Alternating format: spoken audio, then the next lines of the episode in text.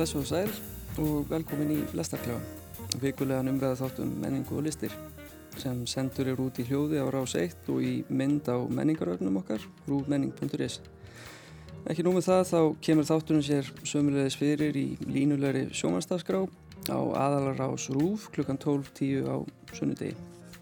Eh, í þættinum í dag er þrent á dagskrá. Sjómanstættin er pappahelgar sem síndir hafa verið á rúf síðasta einn og hálfa mánuðin eða svo og luku gungu sinni á sönnudag. Leiksýninguna Atomstöðina, Endurlit í þjóðleikúsinu og myndlistarsýningu Leifs Ímis Eyjálssonar, Handrit 3 í listamönnum Gallerí. Hingað til að ræða þessi listaverk eru komnið þrýr góður gestir, Haugur Ingvarsson, doktorsnemi og reithöndur, Helga Ferdinandsdóttir, bókmyndafræðingur og Salva, Salvur Gullbrá Þóraðansdóttir, síðsöfundur. Verið velkvæm. Takk, takk. Uh, og við byrjum á að dempa okkur í uh, já, ískaldan vesturbæiskan veruleika í skilnaða dramanu pappahelgum. Það er kannski óþar að týna til meginadrið sögurþráðarins þar sem þjóðum verist að setið uh, límt við þættina síðustu sex sundarskvöld en ætlaði sér ekki rétt að gera það formsins vegna. Þættirni fjallum Karen, þryggjabarna móður sem fer að gruna að eiginmaðurinn sé henni ótrúr og svo reynist að grunur hennar e, sé á raukum reistur. Og áhórendur fá í framhaldinu að fylgjast með grátbrósli og skilnaðarferðli e, með tilherandi flækjum í hennu innra lífi persóna sem og ytra. Þættirnir eru eftir nönnu Kristínu Magnúsdóttur, hún fer með aðalhutverkið, skrifar handrit og leikstýrir en hún naut einnig aðstofa Solvegar Jónsdóttur og Huldar Breiðfjörð við handreitagerðina og Marsteit Þórsson hefur aðkomið sem aðstofarleikstjóri. Pappa Helgar hafa vakið talsverða aðtikli og dreyið fjölda fólks að skjánum með vikum millibili sem sínur okkur að aðdrátturafl línulegar dagsgrár eh, er ekki með öllu máttlust á tímum streymisveitna í það minnst að hér á Íslandi. Uh, varst þú eina þeim Helga sem sógast að skjánum á söndagskvöldum? Já, eiginlega ekki sko. Ég byrjaði uh, á því bara að heyra af, þá voru allir í vinnun að tala um pappa Helgar og ég sagði Hva, hvað er þetta? Og hérna, ég, Nanna var auksinnilega komið með eitthvað rosalega spennandi stöf mm. og, og hérna, ég hef ekki heyrt annað eins svona æsing á samfélagsmiðlum mm. með Íslands sjóhansefni í langan tíma og það leiði alveg, það alveg þrjár vikur þar til að ég lagðist með pest, ég var svo heppin. Og, hérna, og, og gata hámhort í uh, þrjá þætti í rauð og uh, kannski vegna sem ég var aðeins lasin og aðeins svona kannski meir að ég gata ekki hleyið, ég fann bara til svo brjálaðislega samkendar með þessari konu sem heldur upp um Karen sem að lendir í því að þið fullkona heimili sem hún er búin að búa manni sínum og börnum er að leysast upp í, uh, í á eftir einhverju konu sem er fyrir ránsendi um, um epal heimilið hm. og tekur likil mannin, matta, út af heimilinu og úr fangi hennar og þar með leysist hún sjálf upp í eitt stort tilfinninga uh, búnt.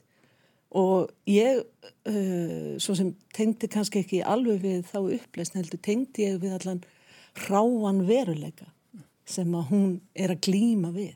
Þið veitir sækja börnin og koma þeim til manns og kenna þeim í fermingafræðslinni og búa til matin og standa sig sem elskugi og standa sig sem uh, í vinnunni. Og það er alltaf þessi raunveruleiki uh, íslenski raunveruleiki sem maður, maður ég fann alveg til rosalega samkjönda við allavega mm. þannig í veikindónum og fyrstu þrjá þættina sko. Akkurát, já, þetta er svona harkalegt uh, raunsægi Absolut sko. já, En þú, Haugur, tengdir þú við þættina? Já, ég bý nú eða svona nánast á sögursviðinu, þannig að hún er svolítið erfitt að aftengja sig um raunverulega raunveruleika mm. en ég tek undir með helgum, ég fannst svona andrúnsloft þáttan að vera það sem er sterkast. Og það er kannski það sem að maður sækist eftir í uh, sjómans, svona sjómanstáttaröðum uh, það er þetta andrúnsloft og þessi samvera með karakterunum. Og oft kannski er maður alveg tilbúin til að horfa fram hjá götum í plottinu eða jafnvel því að það sé bara ekkert plott ef maður, maður fellir sig við þetta andrúrslott og finnst það áhugavert það hefur verið mjög skemmtilegt að fylgjast með umræðanum finnst mér á netinu ég sá einhver uh, lístið þess á einhverjum umræðaþræði sem hinn típiska bónusfjölskylda mm. hinn típiska íslenska bónusfjölskylda mm. ég finnst að ná ágjörðu utanum það en þetta er náttúrulega svona efri millistjættafólk mm. eða millistjættafólk þannig að þetta er kannski allavega svona endurspeglar ákveðin þjóðfélagshóp en svona sem kemur kannski helst á óvart svona í tengslu við umræðin um þættin er það að, að mér finnst þess að það hafi verið svona svolítið mikið talað um það að rúf hafi verið að taka mikla áhættu eða, eða þessi djarfa hugmynd eða eitthvað svo leiðis um, mér finnst þetta kannski ekki sérstaklega djörf hugmynd þannig sé þetta kalla svolítið á við dönsku þættina Nikola og Júlia sem voru sínt hérna Ríkisjónunum fyrir nokkrum árum. Já. en þú veist, mér finnst þetta aðla bara vera nákvæmlega það sem rúf á að vera að gera og mér finnst þetta einmitt viðbröðin sína það hvað hvað fólk þráir að uh, spegla sig í uh, vöndu sjóansefni af, af þessu tægi mm -hmm. mm. Þetta er náttúrulega þetta er mjög svona bersugult drama og, og, og ekki, ekki bersugult heldur er þetta bara já, það er mikil, mikil nekt í þáttunum og, og personunar eru bara berstrýpaðar í ýmsum Læri Karinar spila stóra rullu mm -hmm. í þáttunum -hmm. næstu því eins og Jaws og maður spyr sér sko hvort að alls svo uh, áherslu á þá nekt Já. hvort að hún sé uh, eigi að vera sjokk mm -hmm. fyrir áhærandan eða að því að þetta eru raunverulegi líkamann mm -hmm. sem við erum að fara við fáum að sjá mm. Þetta er, mér, ég, mér hef hugsað til sko þáttan að Girls hennar Lenny mhm. Dunham og umræðinar sem að spratta í kringum þá þætti og hvernig, hvernig uh, hún sem sagt uh, byrtir sinn líkama í, í þeim þáttum og, og mér fannst nefnilega, já, þetta myndið aldrei á það. Algjörlega, ég myndi svolítið að hugsa um girls í sambandi við þess að þætti en sem sínur einmitt líka að þetta er ekkert, einmitt, ekkert svo brjálaðislega framústöfnilega þannig að það er alveg veist, nokkra ára gamlir þættir mm -hmm. en mjög, mjög ferst hvað þú veist, karakterinir eru svona raunsægir í þættinum þú veist, mér veist ég oftur að horfa mitt á íslika þætti þar sem að mér veist ég ekki geta tengt við einhverjar erketýpur mm. og bara skemmtilegt að, að þó ég tengi ekki við það sjálf þá finnst mér að vera raunverulegar og þú veist, einmitt, vera í meilabúðinni eða vesturbælaginni og hitta þetta fólk og það svona endur speglast í, þú veist í líka, þú veist, hvernig þau líta út þannig að mér finnst það rosalega bara svona færst að sjá á skjánum sko mm.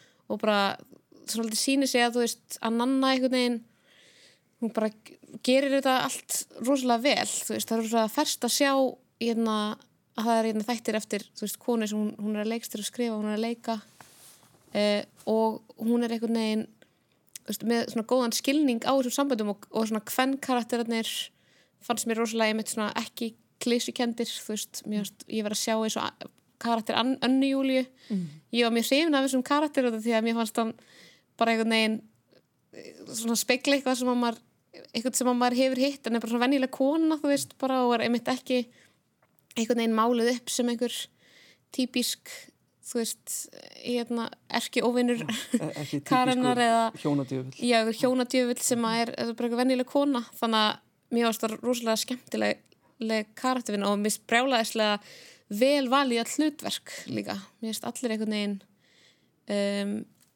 gera sínum karakterum rosalega góð skil þó að ég þóldi það oft ekki þú veist, maður oft bara eins og mér veist, hérna karakter matta alveg bara óþólandi, mm. bara fullkomlega og Karin oft sjálf óþólandi mm. en, en hennar karakter samt náði sem kannski er einhver galli á karakter matta að ég átti erfitt með að finna samúð með honum, mm. ég átti erfitt með að að, hérna, að finna flöt á honum að það var svo augljóst frá byrjun að hjónabandið er svolítið stamt, það, það er einhvern veginn rosalega flott bara byrjun að sena allra þáttana þegar að hún ætlar einhvern veginn að koma fúti í hlutina og bara gera vel við hann eitthvað á ammælunans eða eitthvað svo leiðis og það einhvern veginn fer alveg veist í svona þessa bældu þessa bældu svona samskipti millir kynjana á Íslandi þú veist það sem einhver er eitthvað að reyna að gera eitthvað og hinn er Hérna, tekur ekki vel í það og það er aldrei talað um neitt heldur bara, svo koma börnin veist, mm -hmm. þannig að þetta er svo komiskur íslenskur veruleiki. Akkurat, en mér fannst hérna,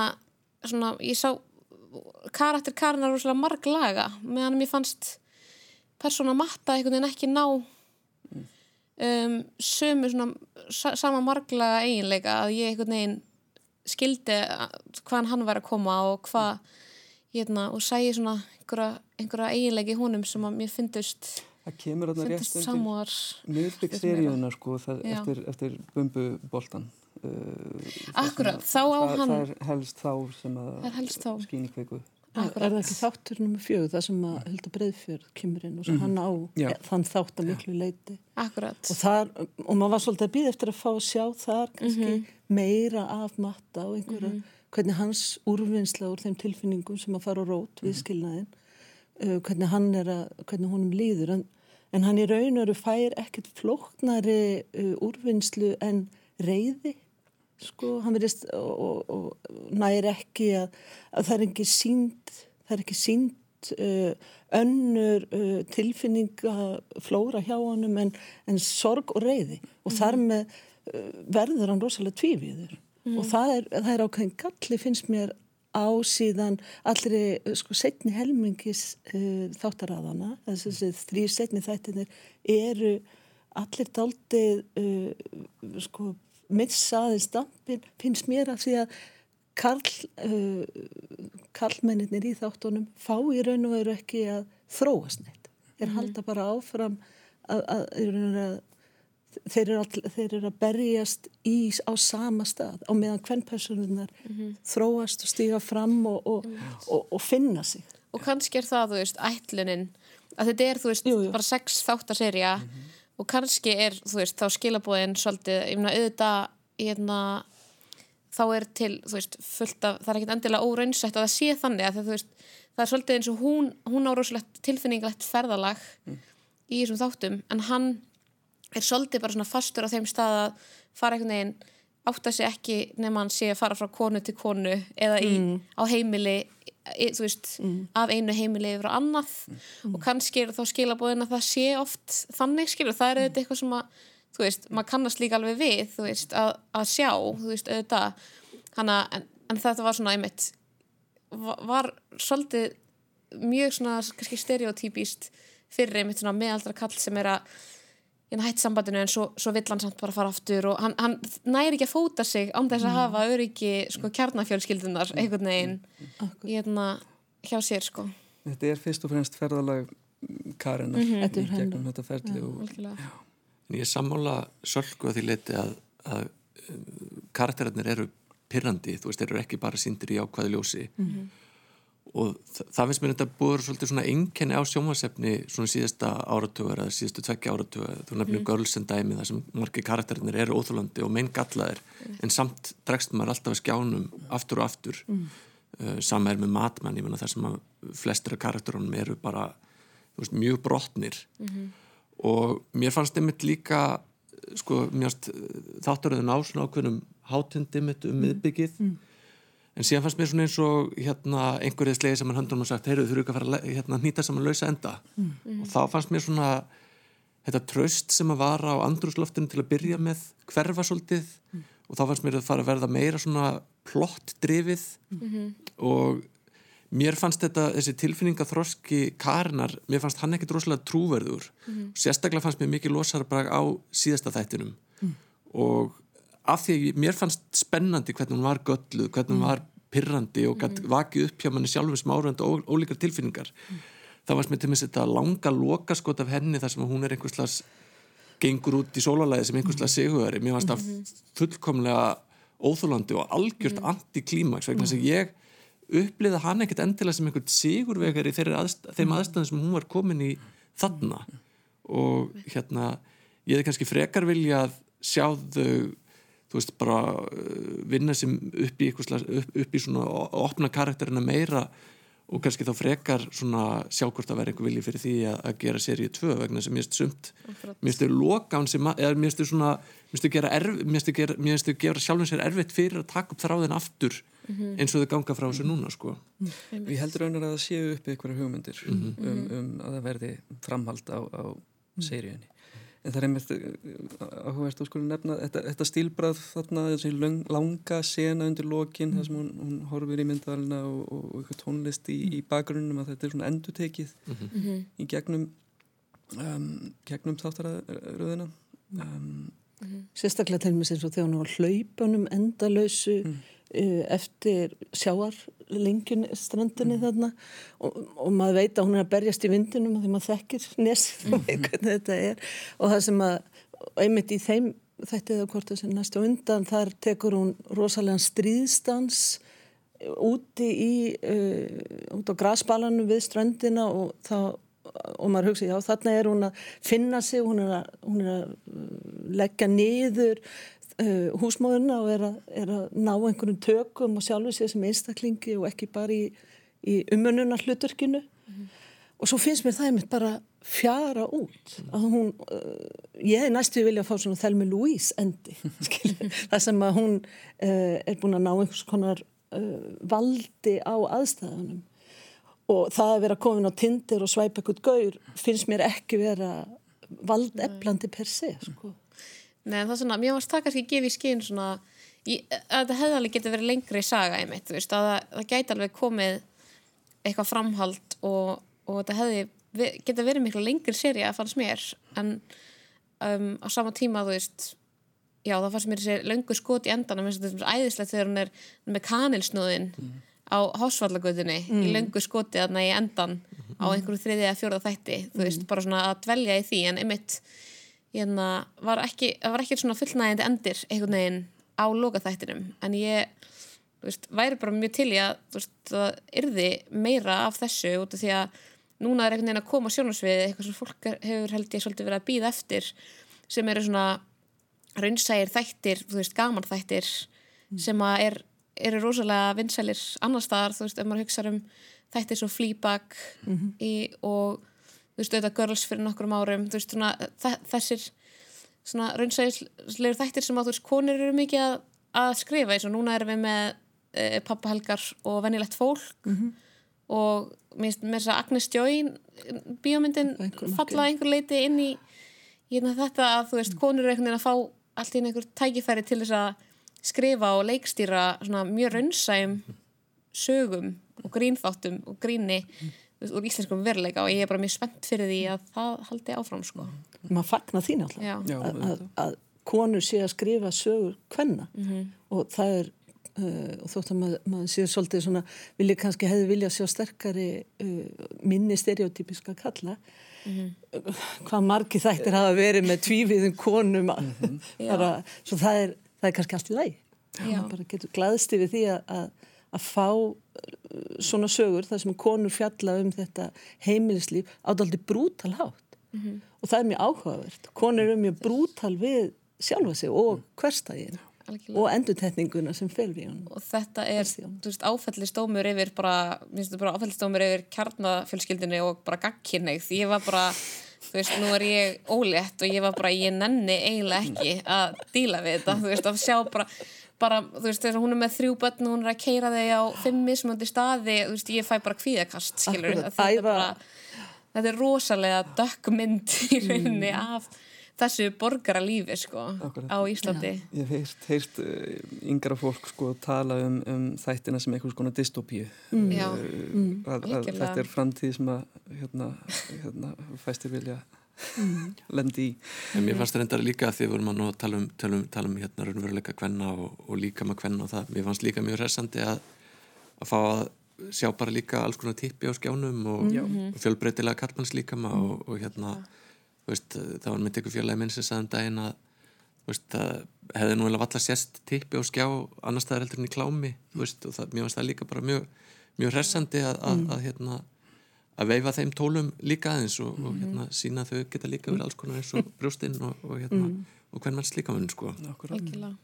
Og það eru fleiri þættir sem hafa svona lagt áherslu á þetta, maður getur nefnt Game of Thrones og, og, og uh, nú man ég reyndar ekki nafnum á þættinum en það var keppi keppli að, að sína sem sagt kall líkama uh, við neðan mitti eins, eins oft og tækifæri gafst sko, sem er svona kannski uh, skrítið prinsip en um, það, það er eitt atrið sem að ég staldraði aðeins við í, í þáttunum og það var, uh, ef mann rétt í fjórða fjórða þætti þar sem að uh, þar sem að Karen er liggur lömuð af, af þunglindi og, og mm, liggur kjögrand upp í rúmi og getur ekki, ekki korki sendt börnunni í heimili og, og það var afgreitt á svona bara nokkru mínútum í svona einhverjum svona hálgerði montasi hún, hún talaði með maður sína og fer út og kaupa sér fæbótarefni og, og shampoo mm. og fer svo í jóka og,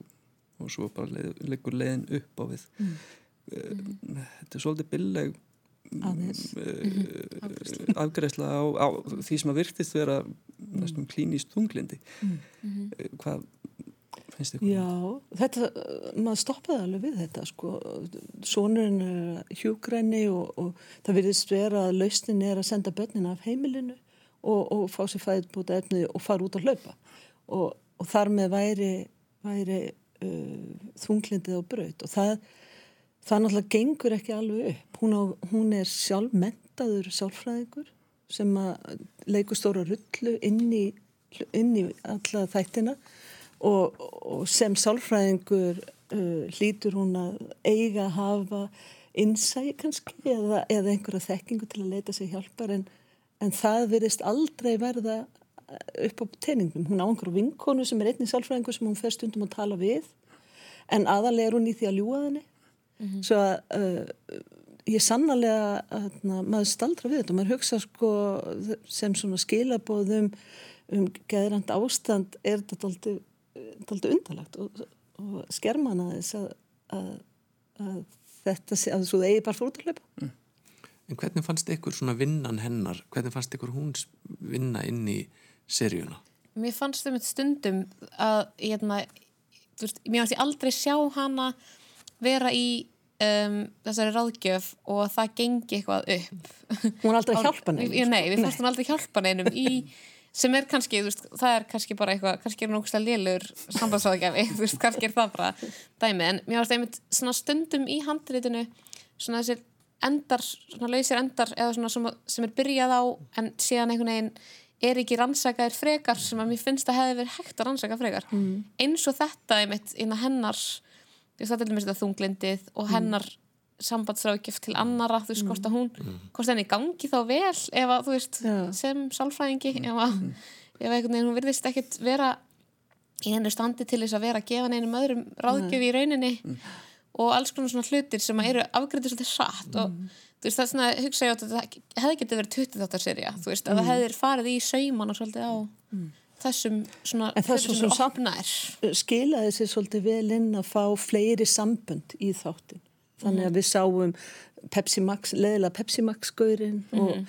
og, og, og hjónabandið sem var að, var að hérna, rofna vegna ennska boltans og, Ég væri raun og til í að sjá sýstur segir ég með því pari var... Rásalegt fólk En það er samt sko eins og þeim bara í Sopranos og svona það sem að sálfræði sálfræðibekkurinn er notaður til að reflekta mm. og stækka og diffka persónulýsingun mm. og svo leiðis veist, mér fannst eins og þarna hef, var eitthvað svona kjöri tækifæri sem mm -hmm. hefur þetta að nota miklu mm betur, veist kannski hefur verið sterkar og hún hefur verið veist, símadama á sálfræðistofu og hefur verið að hlusta og reyna að mm. fá inn einhverju upplýsingar en hún í hlutverki ráðgjafans var rosalega passív ja. veist, og rosalega svona, kom rosalega lítið út úr því og rosalega lítil dýnamík inn í ég menn hún kom stundum með einhver einstakar frasa mm. við matta, mm -hmm. þú veist þegar þau eru einhverjum vandraðum mm. en þú veist þarna, þarna fannst mér, ég veit ekki, þú veist ég er mjög stins að þau kannski ekki alveg verið búin að eða hún, Nanna kannski ekki alveg fullilega búin að taka ákvarðinu hvað nákvæmlega, hvernig hún ætla að vinna með þetta -hmm. einmitt, af því að hún aldrei hún, hún sá aldrei utanfrá, þú veist, hún náði aldrei að, að nota þetta í skipt við matta nema sem eitthvað svona vopn á mjög mm. óprofessional hátt. Um, en samt eða regnin sem er allt í lagi sko, en það er eins og það hefði, ég myndi ekki verið alveg hugsað í gegn hvernig, hvernig þetta kæmi inn í hennar samband. Þeir eru sammálað að þættirnir að efni viðurinn hefði mátt fá meira plást til að anda í, í Já. í fleiri þáttum og, og Mér finnst, svona, fyrir ekki að skilja gripa fram í sko, en mér finnst, mér finnst það sem ég finnst samt kannski þau eru uppi staðið uh, með þessa þáttaröð eins og mér finnst þetta bara mjög oft með bara bókmyndur og listir og uh, þetta menningarsvið yfir höfuð Íslandi að veist, það stundum tekið eins og okkur áfellistómur yfir svona þáttum ef það er hægt að gaggrina þá mm -hmm. en mér finnst þessi þættir það að setja gaggrinað og þeir standi fullilega undir því að vera gaggrindir mm. og maður sé samt til og maður sé ekki sammála öllum maður sé samt tilbúin til að halda áfram að horfa. Það finnst mér segja eitthvað um það að það verður að taka eitthvað rosalega mikilvægt skref mm og mér finnst þessi þættir hérna uh, mér finnst þeir mjög mikilvægir mm veist, en þeir eru náttúrulega ekki fullkomni fyrir eitthvað heldur nokkuð annað sko. Nei, nei, þetta ekki. algjörlega. Og mjög þart samtal svona inn í nútíman og, og þessa miðaldra menningu að, mm að vera aðkanda á milli skóla í stresskasti allar daga. Mm, gott að vera myndur á það á sunnundaskvöldum sko, uh, í stofunni. En já, við verðum að segja skilu við pappahelgar og, og vind okkur yfir í uh, næsta efni. Um, já, úr nútímalegu smáborgaradrama yfir í endurskoðan á einna umdeldari bókum Haldós Kiljans Lagsnes leiksýninguna Atomstöðin endurlit í þjóðleikusinu leikgerðin er í höndum uh, Haldós Lagsnes Haldóssonar barnabast Nobelskáldsins sem hefur einnig gengið undir nafninu Dóri, Dóri DNA og Una, Unu Þorlaufsdóttur sem leikstýrir. Þetta er ekki hefðbundin uppsetning á sögu Lagsnes og sem betur fer getur sumir sagt þar sem hún hefur eh, verið sett á svið í þó nokkur skipti og farið kvikmynd árið 1984. Bókin kom út 1948 og skrifu beintinn í íslenskan eftirstyrís veruleika. Það er fjallað um hugmyndafræðilega átök auðvald sinna og kommunista landsöluna svo kölluð og Guðsbeggi en þetta er einnig ástarsaga bóndadóttur á Nordan, Uglu sem kemur til Reykjavíkur til að læra á orgel, ræðu sig í vist hjá þingmannunum Búa Árdal og kynneslífi valda fólks og nýríkra Íslendinga.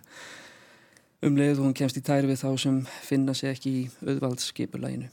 Í þessari metnar fullu leikgerð er gerð tilraun til að draga fram það samfélag sem skáltsaðan er sprottin úr en um leið undirstryka þá þætti sem kallast á við okkar tíma á sama tíma og ástarsaga Uglu og Búa Árdal er farið á svið.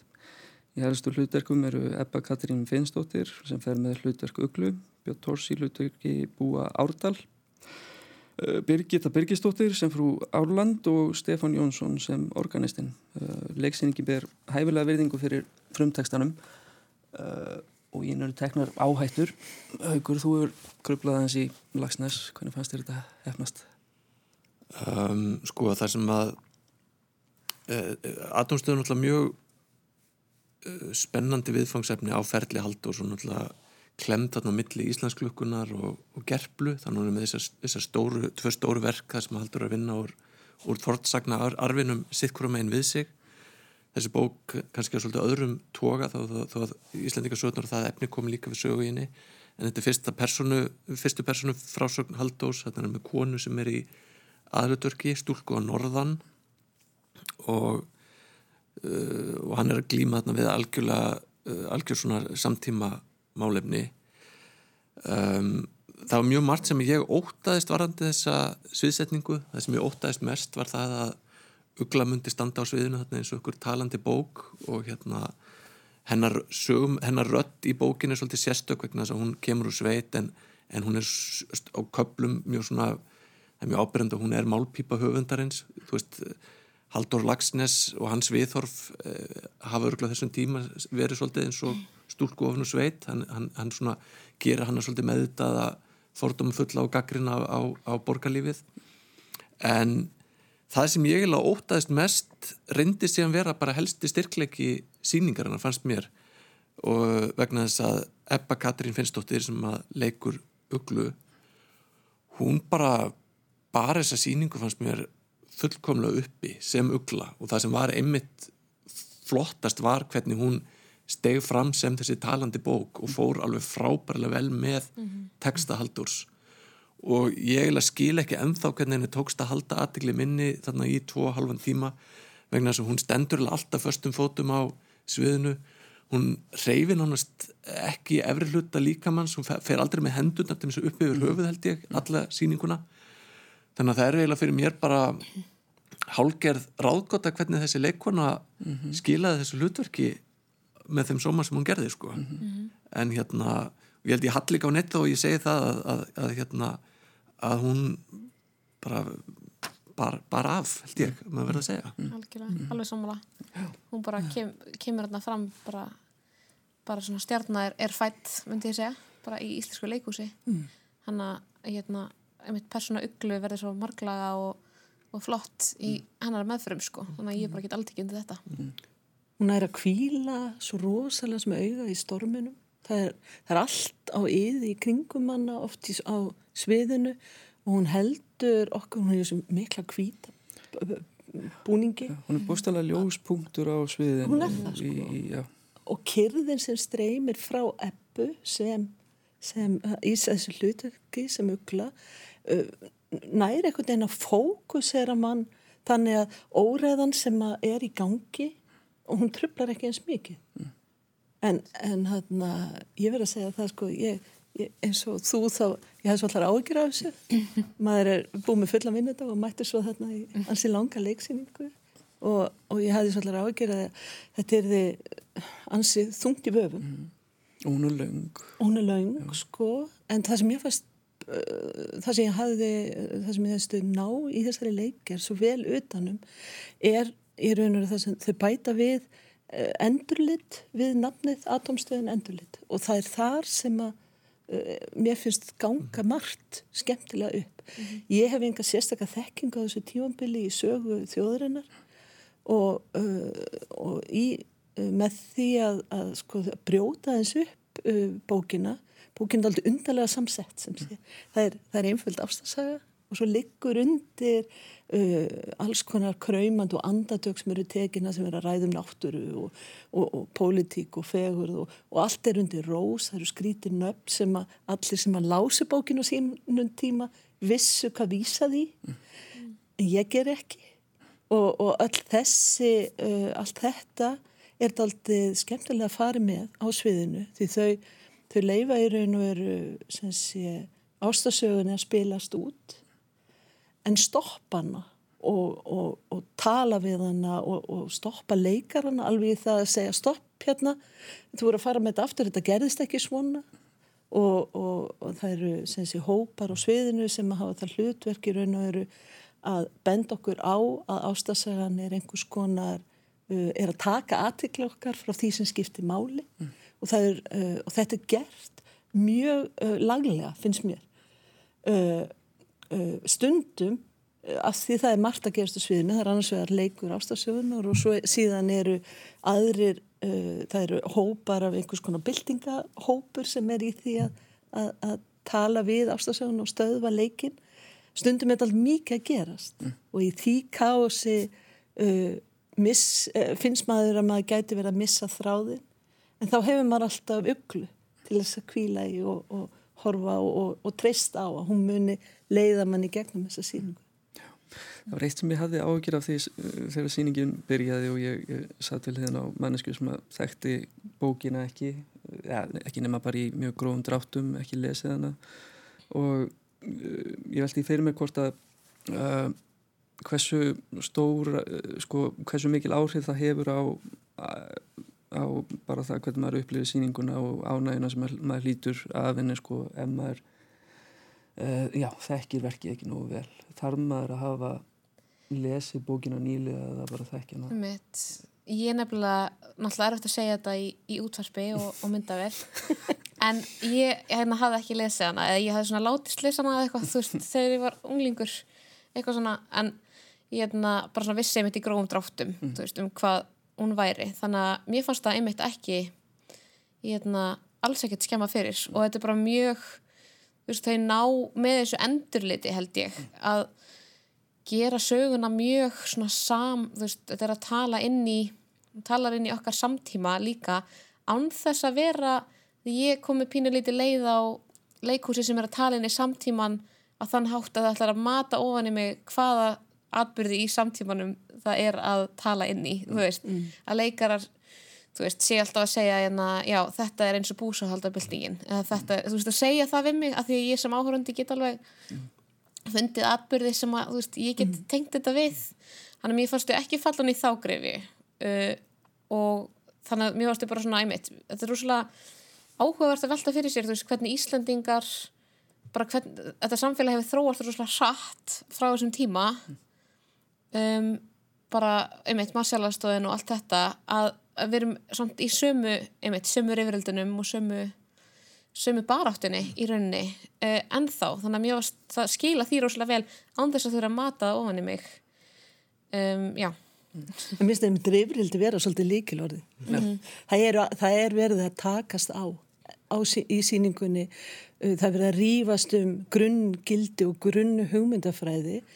Uh, eitthvað sem maður nánast uh, maður nánast getur hugsað, já þetta er bara Facebook. Þetta er, þetta er við erum ennþá að glíma við sömu uh, hugmynda sko einhver klopning í þjóðinni í hvert við áttum að fara. 45 þegar við fáum sjálfstæði, hvert förum við eftir, eftir hvaða hugmyndafræði eldu við uh, til nútímas Einmitt. og nánast uh, hugsa maður þegar maður lapar út af síningunni við erum ekkert búin að ákveða þetta. Nei, En það er mjög áhugavert að 1944 þegar að Íslandingar fagna líföldustofnunni þá voru ennþá 8500 hermenn á Íslandi. Mm -hmm. Danir voru aldrei með 8500 hermenn á Íslandi. Þannig að við erum með miklu sterkari nervuru af erlendu valdi heldur en nokk tíman áður í sögunni. Og það sem Íslandingar náttúrulega óttuðust mjög var að, að, að, að, hérna, ég meina hvað er þeim öðlindir þessa lands og, og, og þar fram eftir gödunum og hvernig myndi okkur reyða af í, í, í samskiptum við þetta, við þetta stórveldi sem bandreikin voru og eru? Og uh, ég held að við hugsum oft um íslensklukkuna í einhverju mjög svona sér íslensku samingi en ég held ég fara rétt með það að atomstöðin sé segði íslensklukkuna. Ég, hérna, held við hugsum mjög oft um, um atomstöðin í svona mjög sér íslensku samingi en hérna, ég held ég var rétt með það að atomstöðin er það verk haldur sem hefur verið þýtt á flest tungumál. Og til minnst þegar bókin kom út í uh, Danmörku þá komum þar beint inn í stopnun túlistöðvarinnar á, á Grænlandi. Þannig að þetta var problematík sem var ekkert bara bundin við, við Ísland. Og ég held um þess að ég hefði heyrt af því að, að svona, ég held að við höfum farað fjórðið að fymtu síningu fyrsta síningin hefði, fyrsta frumsýningin hefði þótt svolítið stíf, svo hefði hinn þótt rúlaðins betur. En síðan á síningunni sem við vorum í þá tók salurinn alveg rosalega vel við og ég held að og það voru hlutir, það var hlegið það komið sterk viðbröð við senum, í sal, við senum á sviðinu úr salnum sem ég er ekki vissum að það fengi sömu viðbröð tveimur, þreimundum áður, áður. og það var bara þetta samerjamál sem var að koma upp. Algjörlega. og, og þessi hérna þessi nýlendu staða okkar og til minnst það hvernig talað um lita fólk í verki Halldórs sem er bara liður í því held ég hvernig Íslandingar reyna að staðsetja sig og reyna að átta sig á sinni hérna, sjálfsmynd í Evrópu. Þú veist, að, að, að þarna allt í hennu erum við og ég held að, ég, það er nú kannski langt málin ég held að blundi Íslandingum einhverslega ströymur um að vera nýlendu herrar. Ég held að sjáu sig ekki fyrir sér sem þjóðmeðal þjóðanum að þeir hafi kúað eitthvað allra rækilega. Og þessi dýnamík sem kom inn í sýninguna gaf henni rosalega mikið líf. Ég stóð með því að hugsa aftur og aftur bara hvernig ætli þessi sýning er sett upp í Namibíu í dag? Hverjir ætli væri hlutverki hérna nýlenduherrana eða, eða eins, eins erlenda valds En einmitt þetta að, að, að, að, að, maður, að þetta ný, þessi, þessi nýju, nýjustu vendingar í íslenskum spillingamálum sko, fari í beina samræði við, við uppsendinguna Jú. uh, sýnir að hún er, hún er ansi merkið. Já, hlæðslan var mjög mikil í salnum, þannig að þetta var mjög, var mjög gaman að sjá, sko. Þannig að, hérna, og það er líka svolítið innkenni á, þú veist, þess vegna finnst mér sýningin að mörguleiti bara mjög vel hefnuð vegna þess að ef að þú getur einhvern veginn um, haft þessi áhrif að leikursi sem þú veist að gera tali inn í samt, veist, að skipti ekki endilega máli hvað sé í gangi hverju hverju sinni. Mér veist, unnu hafa tekist það mjög vel upp. Mér finnst hún líka líka gerast á síningu á síðustu síningu sem að ég sá hjá henni sem var að óvinnur fólksins. Hérna, þá var eitthvað svipað í gangi sem að hún var að tala inn í og hún er náttúrulega oftast að rannsaka einhver svona samanleg eða og stundu fer það næst í úti að vera svona samþjóðleg svona þjóðlegt andrumsloft og, og mér finnst það svona einmitt sína hvað henni hefur tekist vel upp í þetta skipti að að einhvern veginn sinninnar hafi náð þessari rosalegu hlæðslu mm. og auðvitað texti Halldórs er náttúrulega líka bara svolítið þess eðlis að hann nær rosalega vel einhverju svona mann finnst oft vera svona í textanum svona sam íslensk en auðvitað, auðvitað er það universal en, en einhvern veginn það er svona þessi húmor sem að mér finnst stundum tapast veist, í uppsetningu á verkum Halldórs sem að veist, í stundum bara fara á, á verkin hans og þú veist, mér döði leiðist og ég bara skil ekki hvernig það er hægt. Þú veist, að leiðast svona mikið að verki eftir Halldór Lagsnes út af því að þú veist, að því að hann er bara, þú veist brjálaður húmor í gangi og svo mikið skilningur á þessum erketýpum sem við þekkjum í bara okkar samfélagi að, hérna, að það verður bara oftast bara svona bráð fyndið þó þessi líka auðvitað mjög hérna bara veist, ofta tíðum. Þannig að mér finnst hún einhvern veginn ná að fara rosalega vel með þetta efni. Það er mikill hamagangur, sérstaklega fyrir hlje. Hún er mm, oft og títt brotin upp með, með sem sagt einskotum þar sem að leikarahópurinn ávarpar mm, gesti og, og það er trublanir og, og en svo verðist sko, sko rétt undir hlje þá, þá var ég hrættur um að hún myndi bara kikna undan álæginu sko mm. en, en svo kemur þessi ró á síninguna eftir hlje mm. uh, fannst ykkur ekki?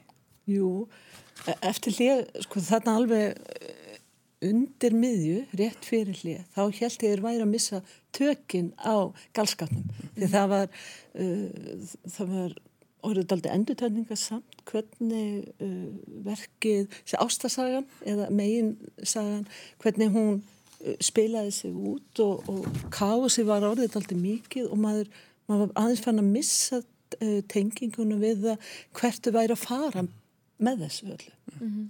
En svo kemur hlið og maður lappar eftir inn og, og hana, þjálfverðin hefur talað við, mm. við hana, liðið og, og, og það myndaðist, það var einhver dásalega ró mm. eftir hlið og þræðir verksins náðu að mynd náðu saman og maður, maður uh, maður skinnjaði einhvers konar uh, allur þessi uh, sem var fyrir hlið þessi ros, rosalegi uh, segja, þessi reyði sem að, maður veit að Haldur líka var mjög reyður þegar hann skrifar bókina að reyðin sem er á sviðinu hún næri einhvern veginn að klára sig og, og, við, og, og eftir hlið færmaður tilfinninguna að, að, að að þó svo engin gangi beint sáttur frá borði að þá sé einhvers konar uh, viðskiljum sem áhörundur að þetta er Ísland og þetta breytist ekkert, þetta er bara svona og þú, ef þú ætlar að búa þetta þá verður bara að sætta þig við þetta var, og, og mér fannst þau náttúrulega utan um þá tilfengur sem maður heyri svo oft svo nefnbar Ísland mm. Mm. Mér fannst, mér fannst sko margt í síningunni eh, ég held alveg feikila mikið upp á Egert Þorljósson og ég var samt ótaðist það mjög mikið að hann væri hlutverki organistans og Já. organistinn og eins og Jóns Prímus í, í kristnihaldinu þetta er svona menn sem hafa svolítið verið látnið stela senunni mm. að þeir eru fyndnir og skemmtilegir og það hefur svolítið svona breytt yfir önnur umfjöllunar efni í verkonum uh, organistinn er eins og Alman Jakobsson skrifaði mjög skemmtilega grein um organistan þar sem hann síndi bara fram á hvað er brjálaðslega mikið uppreysnar eðli í honum og það fannst mér takast mjög vel í síningunni að gera hann að bara svolítið pöngi mm -hmm. Stefán Jónsson fannst mér mjög skemmtilegur upp á snúningur á svona þessa táist að hefð mm. uh, sem ég meika ekki þegar Haldur Lagsnes er annars vegar um, Björn Tórs uh, mér fannst hann vera mér fannst honum takast að, að taka rosalega vel utan, hlut, utan um atrið sem hann var í mm. mér fannst hann einhvern veginn rammaður rosalega vel inn mér fannst hann oft búa til rosalega sterkar senur í kringum sig mm. og í samspili við aðra leikara mm. um, uppreysna fólkið hins vegar sem kemur að utan veist, þa það eru rattir sem eru líka óþólandi í atomstöðinni og það er það sem er mjög oft hjá haldur og þeir sem eru svona sannfærið kommunistar og kannski rött sannleikans í einhverjum minnstu kosti uh, frá hans pólitísku bæjaturum séð mm. það eru mjög ósympatískir karakterar oft á tíðum Uh, í verkin, í bókin verður þess að mjög skýr viðsnúningur mm. þegar að uh, hérna ugla fer bak við bakaríð og sér badnavagnin í hérna mm. standa í slagviðrunu og stúlkan í bakaríðinu það getur bara kíkt á badni sitt þegar hún á mm. lausa stund uh, allt í húnu fær maður eitthvað brjálaða samúð með þessu fólki sem mann hefði fundist vera bara nánast skoruð til pappa fram af því -hmm. það til maður svo sena sem ég fannst að hefði maður halda þess betur utanum. Mm. Þar fannst mér eins og það máttur koma einhvern veginn skýrari kvörf í verkið. Maður fann alveg að var verið að reyna það mm -hmm. en hamagangur fannst mér vera svo mikill þetta var svolítið eins og að sjá bíl mm -hmm. skransa í frosti -hmm. sko og hérna þannig að mér fannst svona mér finnst eins og þessi síning sé ekki ennþá alveg búin að ná að einhvern veginn svona að full að kjarna sig til fullnustu. Þú veist, ég menna það var líka einstakar staða sem að fann að, að hérna, leikarnir voru að fara aðeins hérna, voru að, voru, voru að hérna, rángfara textan og endurtaka sig til að, til að, til að hérna, leiri eftir sig. Þannig ég, þú veist, ég held að þessi síning ef hún, ef hún verður áfram á sviðinu þá vona ég og held ég og nefn bara eftir að verða betri og betri með, með, með fleiri reynslum sko. Akkurat, já, ég geti trúið því. Um, en já, ég vissum við getum haldið áfram að tala um atomstöðunar og fyllt heilan þátt uh, en við verðum að snúa okkur á næsta Já. efni. Uh, og það er myndlistasýningin 103 í listamönnum galleri á skólugötu þar sem Leifur Ímir Ejjólfsson sýnir 102 grafíkverk með kunnulegum setningum. Leifur Ímir hlaut kvartningarvelun ásins á íslensku myndlistarvelunum í ár fyrir fyrstu sýninguna í rauðinni sem sínt var í listasafni Reykjavíkur. Um, en eins og titilsýningarinn að gefa til kynna 103 erum að framhalda fyrir sýningum Leifsýmis þar sem hann vann einni með áleitranir en með annan efni við. Fyrst leirplötur, síðan bókvell og nú pappir Leifur hefur sagt að eh, verkin hafi korki upp hann í enda. Hann hafi gert tilrönd til að einbeta sér að öðru en verkefnið hafi aldrei áfram að sækja á hann. eh, á síningunum hefur mátt sjá orð og setningabrót sem Leifur haldið til, haldið til haga síðustu ár. Hverstagslega frasa og markþvæld orðasambönd sem við notum öll við þenni ímsu tækifæri. Eins og slakaða á svona svona hefur séð síma minn og svo framvegis. En sögum sendingabrótana verðast enganlegri eins og það vorkenni mér engin ég er svo einmanna og ítla farið með góðan kvíða. Uh, verkin eru fyrstu einföld á að líta en þegar augun kvarla yfir þessar 102 setningar verða til fjölmörg hugrenningatengsl uh, hvernig verkaði syngin á þig? Já, ég er svolítið segin, ég fór á síninguna í Hafnarhúsinu líka Mm.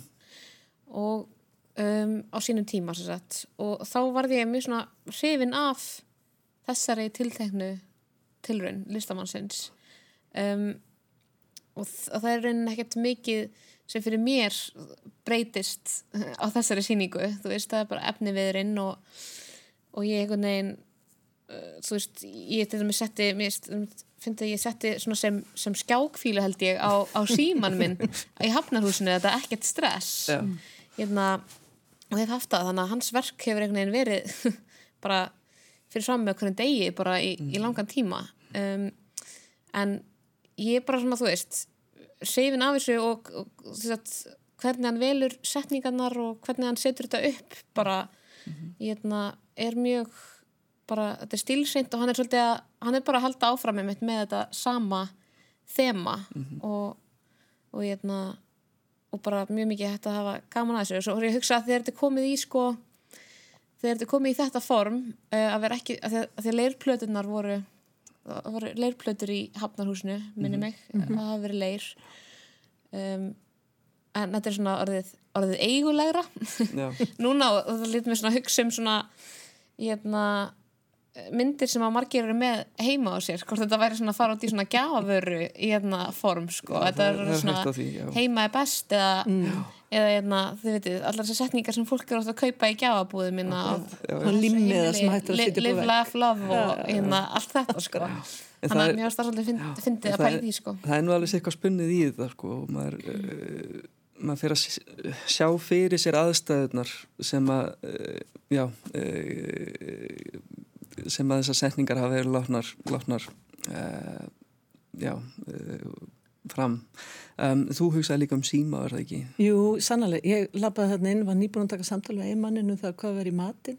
Og fyrsta setningi sem ég horfði á var hvað er í matinn.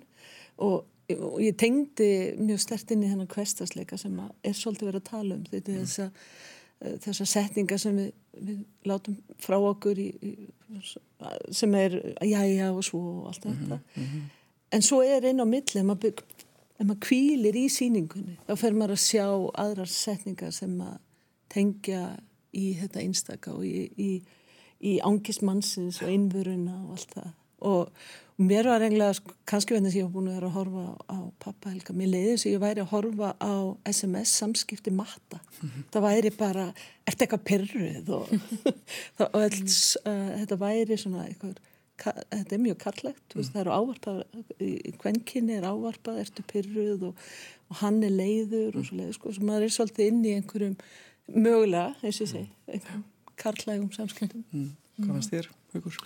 Mér finnst þetta skemmtilegt sko en ég hugsaði um þetta, þetta saman á þið sko bæði í tengslu pappaelgarinn mitt svo líka við þessar setningar sem maður sér þú veist þetta er svona þessi jóka Instagram heilræði sem maður sér upp á veggjum með fólki. Mm.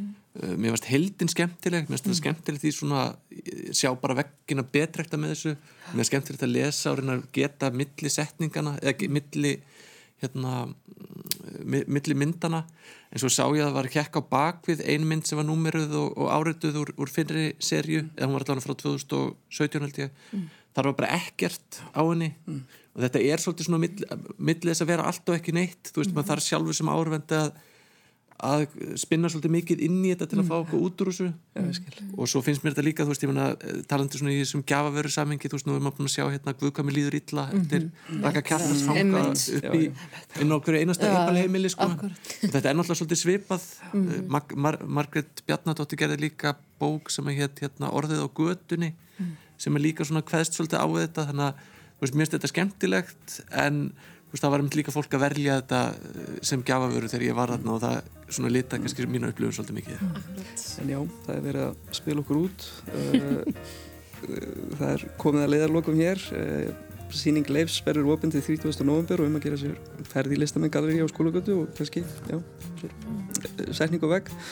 Um, Hægt er að hóra pappa helgar ennum sinn í sjónvarspilara RÚV uh, á RÚV.is uh, og í helstu myndlegum. Og atomstöðin heldur áfram göngus inn í þjóðleikúsinu næstu vikur og mánuði. Og mér heyrist að við þurfum að fara aftur á þetta einhvern tíðan síðar. Uh, Takk kærlega fyrir komuna í Lestarklefan, Haugur Ingvarsson Helga Ferdinands og Salver Gullbrá Þórunarsdóttir Takk fyrir okkur